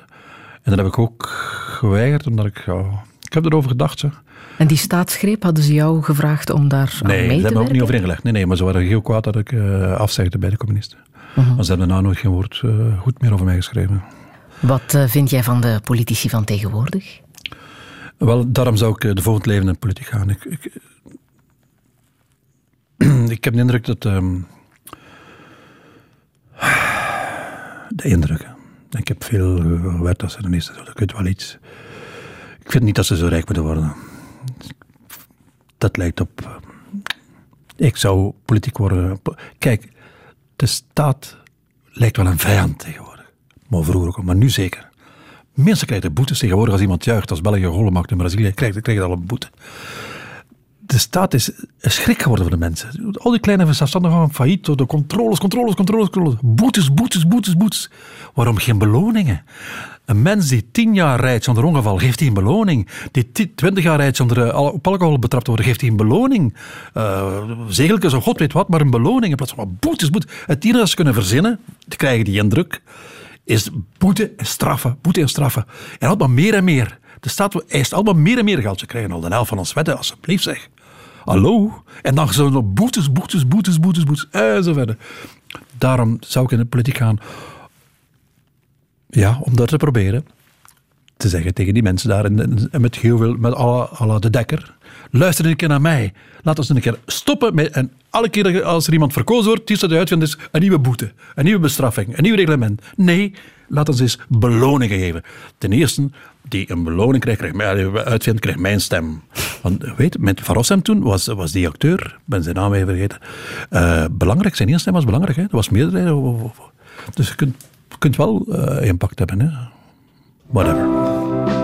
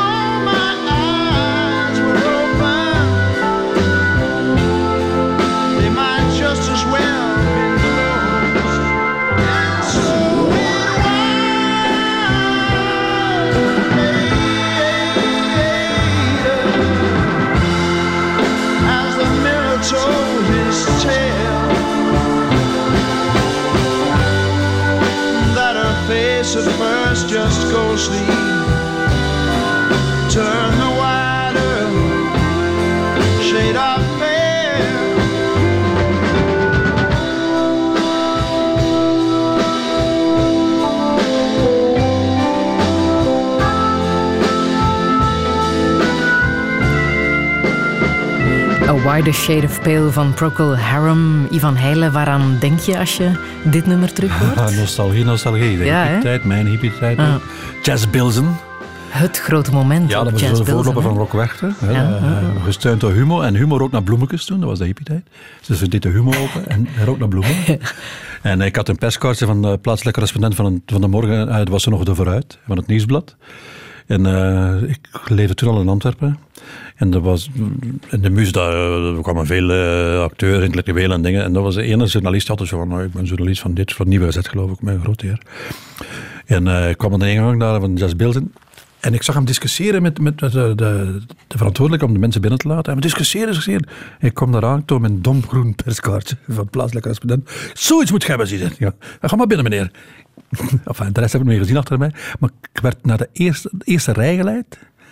En om half uur s'nachts of zo komt ineens Procol Harum met dit liedje daarop. Dat duurde heel lang, dat ze alles afgestemd hadden. Toen was half, half twee voor ze begonnen te spelen. Denk. En dan, deze sound. Dat, ik kruikte bloemen nog en dacht... Dat werd... Die, die, die sfeer van liefde, love is all en zo verder, en bloemetjes, dat werd precies een, een, een beeld door wat zij deden. Ik zie nog die mannen een gezicht voor mij, alsof, het- alsof het gisteren was. Ik kan nog... Hoe, een grimas... Straf, en vooral die basgitarist. oh, raar misschien, hè, maar... ja.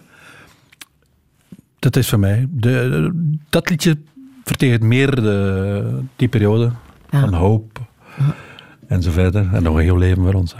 Journalist, dat wou je als, kind al worden. En ik heb de indruk dat, dat het interviewen, dat je daar het meeste trots op bent. Hè. Dat is in ieder geval datgene wat je op je grafzerk eh, wilt. Dat je daar de beste in was. Ja, eh, dat kan ik ook. eh, dat ligt mij. Ik heb, ook bijna, ik heb weinig reportages geschreven, behalve over de Tour de France. Dat, dat, kon ik ook, dat was bijna... Ja, enfin. Maar hoe deed je het om, om de mensen zoveel te laten vertellen? Wat was jouw tactiek? Zoveel. eh, ik had wel iets speciaals. Ik eh, bereidde mij niet voor door het lezen van de interviews van anderen. Die voor mij gegaan waren. Want dan heb je ook de neiging om dezelfde vragen te stellen. Dat was de bedoeling niet. Daarvoor werd ik niet betaald. Ik beelde me de avond ervoor in dat ik die persoon was. Dus als ik nu zelf die persoon zou zijn, wat zou ik voelen? Welke zorgen zou ik hebben? Welke verlangens? En zo. eh, ik kan dat redelijk goed, blijkbaar. Dan ging daar standaard naartoe. Niet gehinderd door enige voorkennis. Behalve mijn eigen ervaring en mijn eigen hart. Alsof ik die man zou geweest zijn. En dan begon ik met die mensen te praten. En van daaruit. En wandelde ik met hen door hun leven. En en dan kwam het op een bepaald punt. Dus dat die zelf zeiden. Oh, maar ja, daarom heb ik dat gedaan. Oh ja. Oh, maar dat wist ik niet. Mag ik dat zeggen? en zo had ik elke week mijn scope. Hè. Niet, eh, ik lag niet achter de haag te kijken als ze geen lief hadden of zo. Maar een, een, dus, deden ze zeer graag, anders kunnen ze niet doen.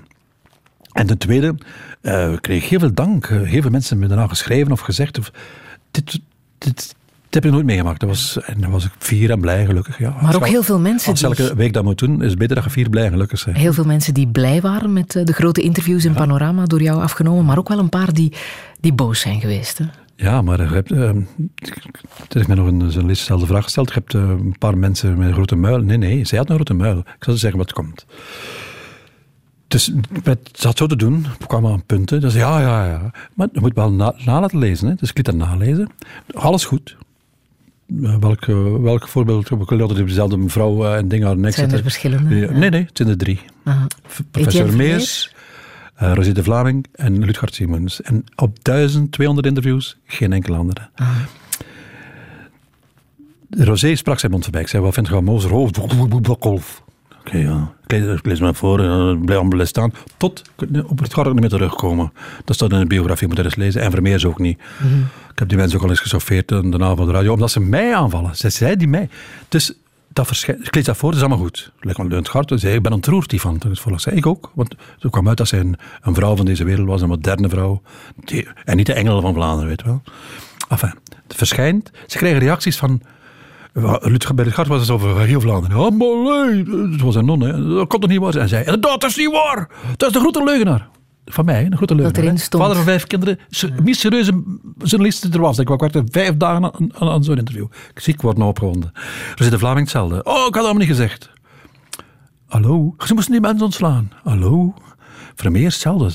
Zo'n man met zo'n prestige, met, met zo'n maturiteit. Dat is ook allemaal niet waar. Allee, grote Hallo, het was wel waar hoor. Waarom zou ik liegen? Ik heb nog nooit gelogen. Ik lieg niet. Je had een hoofdredacteur over- die over eh, vierkant achter jou 36. stond. Hè? Je had een hoofdredacteur die vierkant achter jou stond, hè? Karel Antires. Ja, met, met uh, wankelde toch, denk ik. Ja? Ja, we kwamen op de, op de redactie en de grote lezersbrief stond op bladzijde 2 in dikke letters gedrukt. Het, antwoord van antwoord. Vermeer lag zo voor mij. En Karel bleef kijken. Maar ik sta recht in mijn schoenen. Ik zei, ja, Karel, en dan? Ja, dat was niet waar. En dat was niet waar, en dat was niet waar. Het was wel waar. En ik hoop dat meneer Vermeers nu luistert. Heeft zich ook nooit verontschuldigd. Hij moet toch stelkens aan de maturiteit gekregen hebben om, uh, om, om te kunnen fouten bekennen. Hè? Nu, je was uh, zo'n groot interviewer dat er zelfs een feest is gegeven in een uh, Brussels hotel naar aanleiding van je 500ste interview. Met heel veel volk, onder andere deze man. Ja, mooie herinnering aan Ivan Eilen. Hier is uw vriend Eddie Wally. Ivan Eilen is ook een kozen van mijn vrouw Mariette. Dus hij is familie van mij. Dat is onverstaanbaar. Hij heeft het toch ver gebracht met ijsgewijviken. Hij weet dat ik heren zie. Dus heeft hij toch uh, heel veel bereikt, ook in zijn leven. Hij heeft veel televisie en noem maar op nog en ook vele artiesten groot gemaakt, moet ik zeggen. Toch mooi, hè? Als ode. De Voice van Europe dat zegt. Dank u, Eddie. Dank u, neefje. Dan zal het waar zijn. Ah, zeker.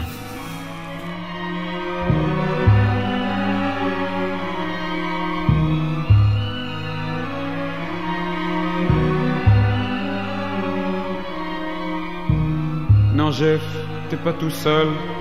M'arrête de pleurer comme ça devant tout le monde.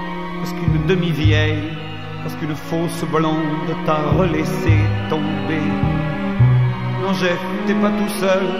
Mais tu sais que tu me fais honte à sangloter comme ça bêtement devant tout le monde. Parce qu'une trois quarts putain t'a claqué dans les mains. Non, Jeff, t'es pas tout seul. Mais tu fais honte à voir. Les gens se payent notre tête. Foutons le camp de ce trottoir. Viens, Jeff, viens. Viens, viens. Viens. Il me reste trois sous.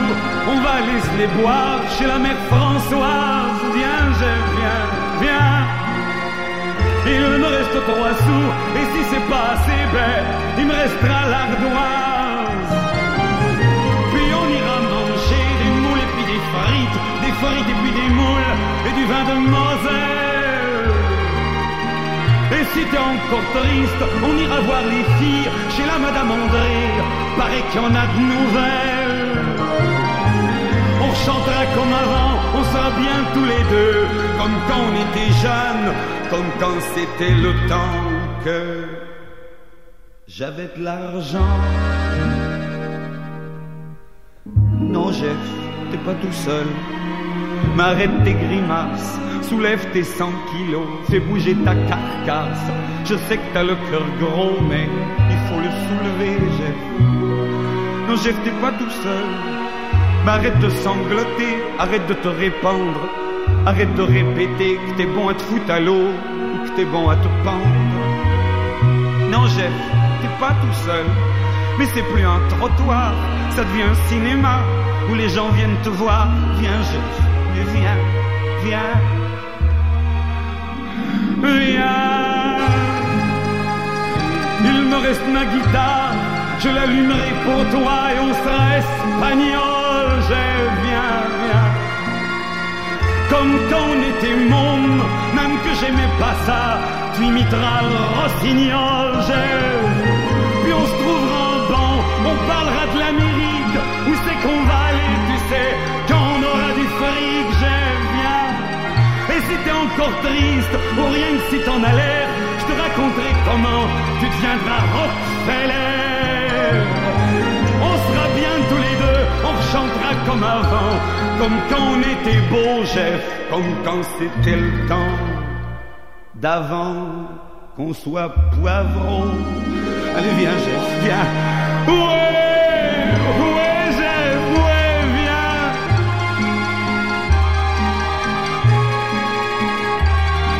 Jeff van eh, Jacques Brel, dat heb jij vertaald in 1982, Ivan Heijlen.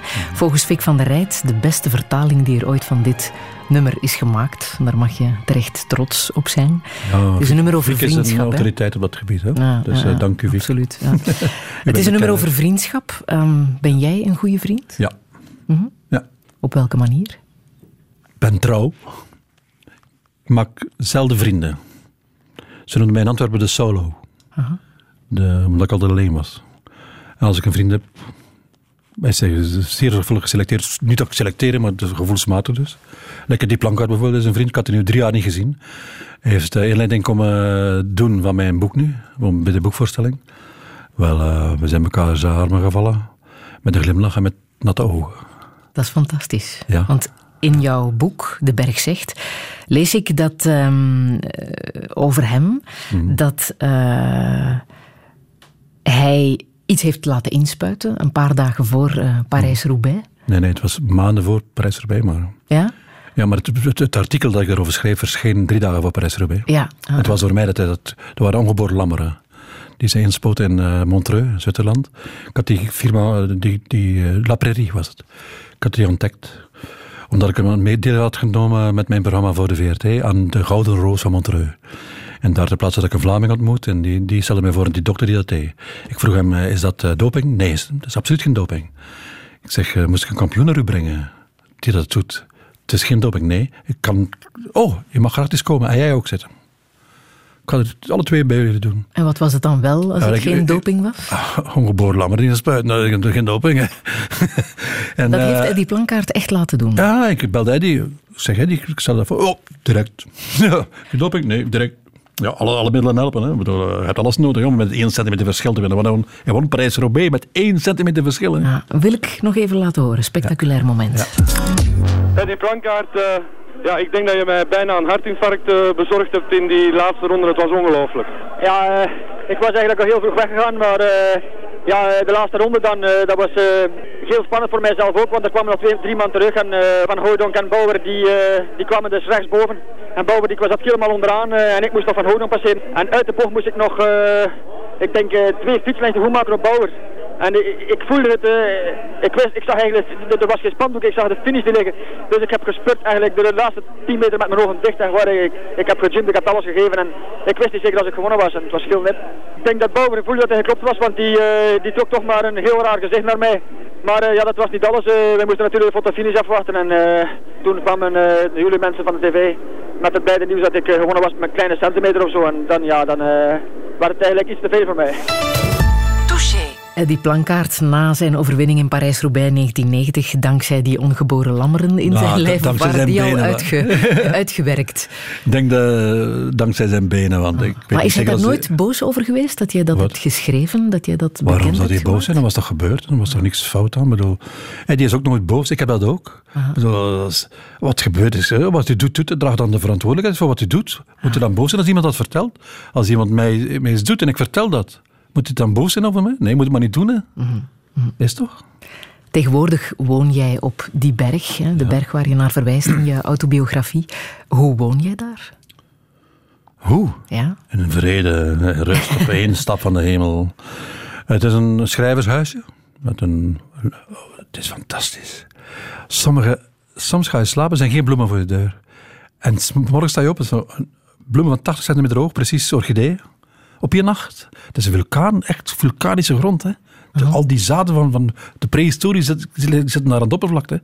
Er groeit, groeit fruit, waar ik de naam niet van ken, dat zo lekker is. En ik hoop niet giftig.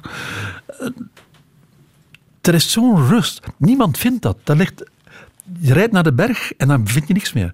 Er is mij een, ehm, een dame komen zoeken die nogthans goed Gomera kent. Eh, met vriendinnen die ook Gomera kennen. Ze hebben mij niet gevonden. Ze vonden mij niet. Ik zal je vertellen waarom. Je moet door waar je denkt, hier stopt het en hier is zo onbereidbaar, het stopt. Dan moet je daar... Waar moet je en dan verder? kom je een nieuw wegje.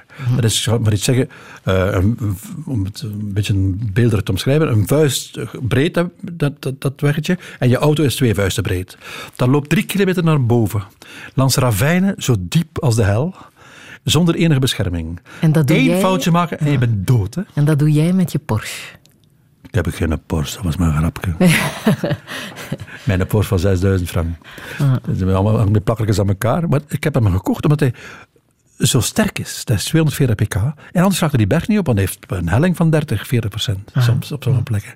Je mediteert daar, hè? Ja. Op welke manier doe je dat? Oh, zoals je moet mediteren.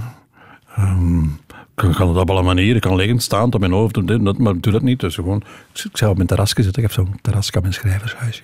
Mhm. Als de zon opkomt bijvoorbeeld, of s'nachts, als de sterrenhemel er is, van een prachtige sterrenhemel. Het is precies tussen de sterren.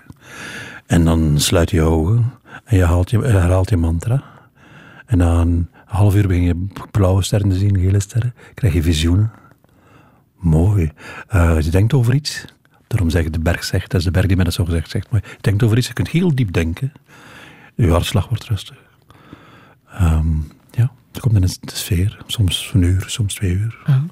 Sommige van mijn buren, ik heb drie buren, drie hippies, die mediteren soms de hele dag. En helpt dat tegen de depressies waar je toch wel vaak last van gehad hebt? Ik moest vooral eh, eh, recupereren van, van een leven met vier jobs. Hè. Ik had café, deed tv, elke week een interview. Altijd in zomer, winter, eh, scheiding, heel scheiding. eh, 52, nooit congé, 52 interviews per jaar. Ik had nog een job, ben al weten welke. Café, eh, Nee, café, schrijven, schrijven, de muziek. muziek. Ah, muziek. En, en, eh, nog iets. Een tv. Dat is ook, onderschat dat niet, hè? En op sommige momenten van was ik zo uitgeput. Ik, had eh, met dat eh, discussieprogramma Ivan, waarin de mensen soms vochten, Mhm. eh, omdat ik ja, zo scherp tegen me voor elkaar stelde. Ehm, ik ben er nog geweest dat ik ervan wegreed dat ik moest stoppen. Ik ben plots beginnen wenen, niet kunnen stoppen. Van. En heb je van zelf een verklaring, een verklaring gevonden waarom je daar gevoelig voor was? Voor wat? Voor uitputting, voor depressie? Omdat ik te veel werkte. En behalve dat? Ja, een overgevoelige. Ja. Ik ben ook eh, met die interviews, heb ik vroeg net hoe deed dat. Ik ben een soort spons. Ik ga bij iemand zitten, ik praat er drie uur mee en ik neem heel die persoonlijkheid bij mij op. Ik kon een stem imiteren. Mijn kinderen lachten zich daar dat letter mee. Ik kwam thuis, je hebt geïnterviewd. Ik zei, ik zei maar zeggen, die plankaart. Hè? Dan, oh, imiteer hem een keer. Dan kon ik die imiteren. Maar je schrijft in je boek ehm, dat jouw grootouders eh, volle neef en nicht waren. Ja, ja. En daar stel je je vragen bij, wat dat voor gevolg heeft voor het nageslacht. Ja, natuurlijk. Ehm, ik weet dat van Jos Verbeek, de Mhm. paardendriver, de, de- mijn grote vriend. Ehm, als ze een paard willen met heel lange benen, ik zal ze bruut zeggen, nee, laten ze neef en nicht of broer en zus met elkaar paarden. Dat versterkt de eigenschappen, maar ook de kwalijke eigenschappen kan het versterken. Dus dat paard zou heel lange benen hebben, maar als dat een koppig paard, eh, paarden zijn, we zijn dubbelkoppig. Dus je krijgt extreme mensen. En ehm, misschien heb ik daar mijn eh Ja, vertelkunst aan dat te dat, danken. Ja, ik twijfel dat dat een verklaring zou kunnen zijn voor wie jij geworden bent? Ik twijfel niet aan. ja. Ja. Ik twijfel er niet aan. Maar ik zeg niet dat ik gelijk heb. Maar ik zelf twijfel er niet aan. Mhm. Ben jij milder geworden met ouder worden? Eh, meer diplomaat. Ja? Ik ben absoluut anti... Ik was een antidiplomaat. ik was een pottenbereker. Altijd recht door de zee. Puur de waarheid. En nu kleed ik dat een beetje beter in. Je hebt hartproblemen ook gehad, hè? twee jaar geleden. Hartritmestoornissen. Ja. Heel bangelijk als dat niet ken. Ik had er nooit van gehoord. Ik had me nooit geïnteresseerd. En ineens ben mijn hart... eh, dat valt stil. Dat mist vier slagen en dan weer een tweede kloppen. Ik dacht, oh, ik ben dood. Geen enkele paniek, dat was vreemd. Ja? Niks, nee. Ik was daar rustig bij. Oh, dan. Het is, het zal dood zijn zeker. Naar het ziekenhuis geweest, maar ik was in Portugal, in Algarve. Ze noemden dat ziekenhuis daar het slachthuis, de mensen. Ik kwam daaraan, ze luisteren naar mijn hart, ze brengen een brancard, ze leggen mij daarop, doen een wit laken over mij, met een flap aan. Dus als ik stief kon, ze moesten alleen maar die flap over mijn, over mijn hoofd leggen. Kom ik in een zaal, een ronde grote zaal, waar zeker twintig mensen in een cirkel liggen. Dus bedden stonden zo liggen. En, Aha. en er waren zeker vier, vijf aan het sterven. In grote pijnen. Van. Ja, dat wist ik het zeker. Maar zat ervoor... eh, Ik ben misschien al dood. Ik zit misschien al in, eh, onderweg. Griezelig. En, ehm, ineens klopt mijn hart weer normaal. En die dokter kan mij, eh, de jonge gast, je luistert. Ja, het is normaal, zegt hij. Ik zeg, we hebben dat gedaan. Ik ben een goede dokter, ik ben een goede dokter. Hij. Ik dacht, oh, oh, ik ben er nooit meer terug geweest. Is er iets na de dood, volgens jou? Absoluut. oh, dat- dat- ik, zeg niet dat ik gelijk heb, maar ik twijfel daar niet aan. Zeker, zeker. Wat verwacht je? Oh, een soort spiritueel leven. Absoluut. Ik voel, ook- hoe ouder ik word, hoe meer dat ik de scheiding voel tussen mijn spiritueel ik, mijn spirituele ik, en mijn fysische. Mijn fysische voel ik eh, stilaan, eh er komt sleet op. Mijn eh, geest wordt maar rijker en rijker en rijker. One silver dollar, bright silver dollar, changing hands, changing hands, endlessly rolling, wasted and stolen changing hands, changing hands. Spent for a beer is trinkets,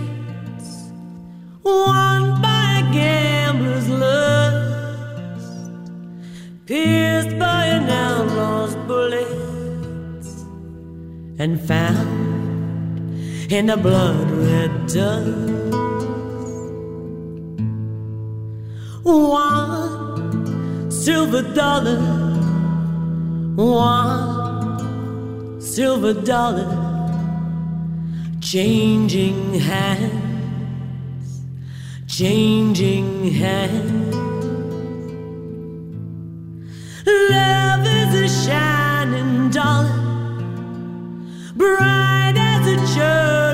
Bell's chime gambled and spent and wasted and lost in a dust of time.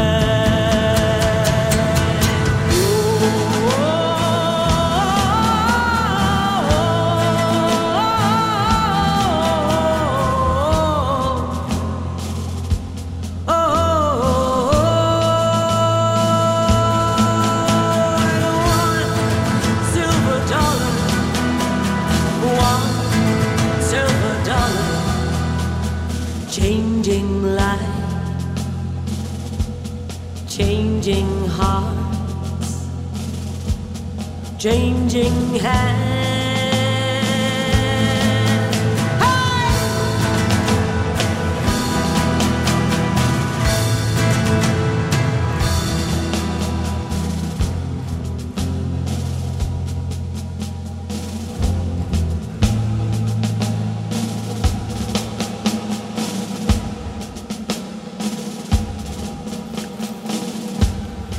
Mooi nummer van uh, Vaya con Dios, One Silver Dollar, Changing Hands. Ik laat het je horen, Ivan Heijlen, omdat jij zelf ook een zilveren dollar heel lang bij je hebt gehouden. Hè? Een heel Ja, bijzonder muntstuk. Ja, iets van 1700 en zoveel, geloof ik, of 1800 juist. Ja. Ja, werd mij gegeven door een, eh, een vriend. Mijn vriend deed goed met mijn voorraad en hij zei, kijk, als je daarmee reist, zul je altijd veilig reizen. Mhm. En ik ben zeer bijgelovig.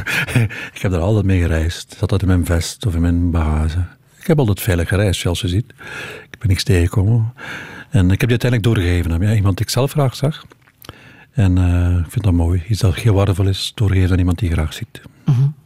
Dat doe ik graag. Wie ziet jou nu graag op dit moment? Wie zijn jouw eh, grote liefdes? Ik heb geen klagen. Hè. Ik heb eh, vijf prachtige dochters. Zijn zo mooie vrouwen geworden. Die hebben nou kinderen. Die zien mij ook doodgraag. er is nog een aantal mensen die geen familie zijn die mij ook doodgraag zien. Er is één speciaal iemand die mij ook doodgraag ziet. Dus Dat ik zit heb, goed. hoort mij niet klagen. Ja, ja. Jouw dochters, jouw vijf dochters, heb je lange tijd alleen eh, opgevoed. Hè? Met wat voor regels? Hoe, hoe heb je dat gedaan? Met al mijn kracht. Eh, maar ik had een hele mooie regel. eh, bijvoorbeeld, eh, mijn oudste was nog jong, denk 15, toen ze mij vroeg. eh, we woonden midden in de stad in Antwerpen, aan het stadspark. eh, Ivan, zou ik eens mogen naar de discotheek gaan? Het is iets enorm van muziek en dingen. Ik zei, 15 jaar, hallo. Ja, het was eerst uh, ja, puberteit en zo. Hoe moet ik daarmee doen? Ik zei, weet je wat? Ga naar je kamer en vraag het aan jezelf. Zo, vijf minuten later was het terug. Mijzelf zegt dat ik mag. dan kwam ze zeggen, ehm, eh, hoe lang mogen wij blijven?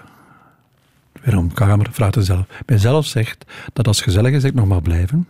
En dan naar huis komen als het minder wordt. En, en dan vraagt het nu zelf. En, ik deed mij alles. Als ze mij andere vragen stelde, wat dat vraagt het nu zelf. Ik, ben daar heel, heel, ik heb daar heel goed mee uitgespeeld. Ja. Ten eerste, wat ook een heel... Ik heb die niet zelf opgevoed, die hebben voor een deel elkaar opgevoed. En ik had er ook nu een vriendin, die, die hielp me ook mee. En een, dan een speciale vriendin die er heel veel mee heeft geholpen. Maar de verantwoordelijkheid lag wel bij mij. Alle beslissingen moest ik uiteindelijk nemen. En dat is zwaar. We beter ook met twee ouders zijn. Niet alleen voor het kind, maar ook eh, voor jezelf. En, wat, eh, wat heb je gemist in jouw leven? overschot heb ik gemist. Maar, nou eens, ik- natuurlijk eh, gemist. Ik wil ook wel eens, eh, ik had wel graag van de Rolling Stones geweest, weet je wel. maar ik ben content met mijn leven. Ik, hoop dat ik de volgende keer weer om zo'n goed leven krijg.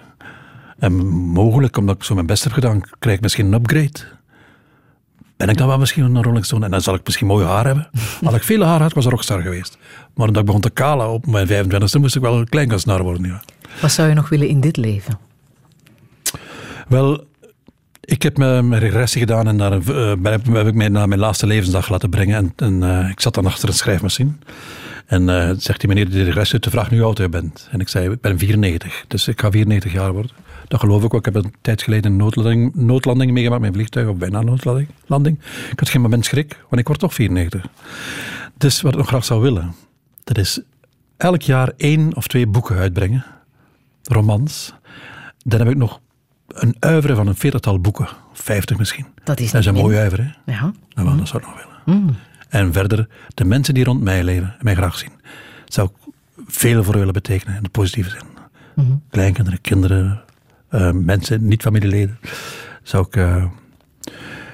koop, ik vind mezelf een redelijk goede mens. Ik heb nog nooit in mijn leven iemand bewust pijn gedaan. Nog nooit.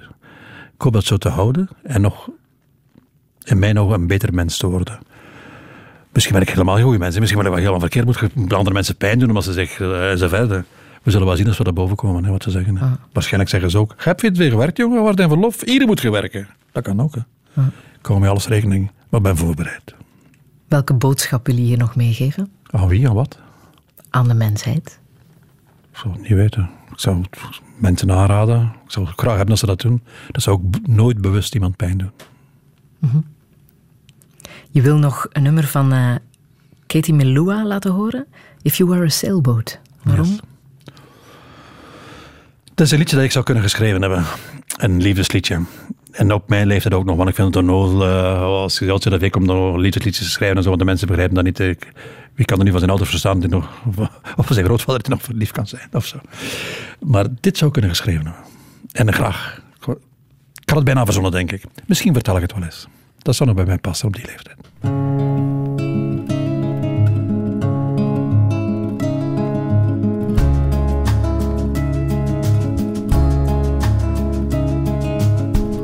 If you're a cowboy, I will trail you.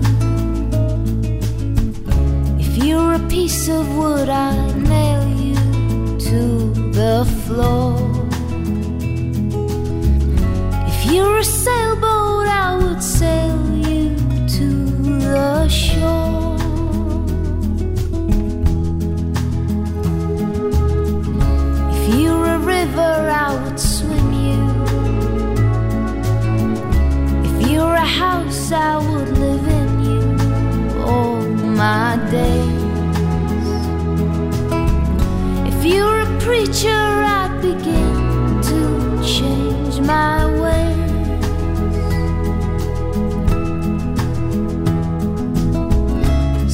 Sometimes I believe in fate, but the chances we create always seem to ring more true. You took a chance on loving me, I took a chance on loving you.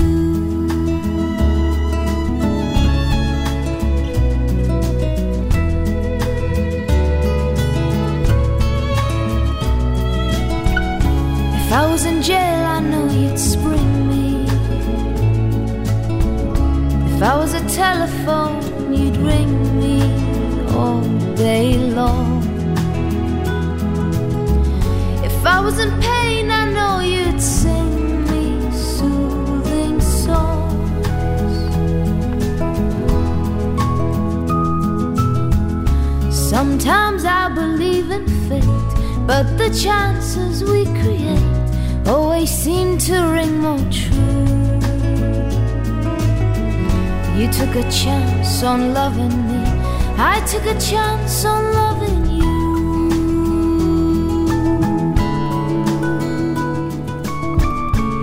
Kathy Malua en If You Were a Sailboat. Ivan Heijlen, ik wil je ongelooflijk bedanken voor uh, dit gesprek.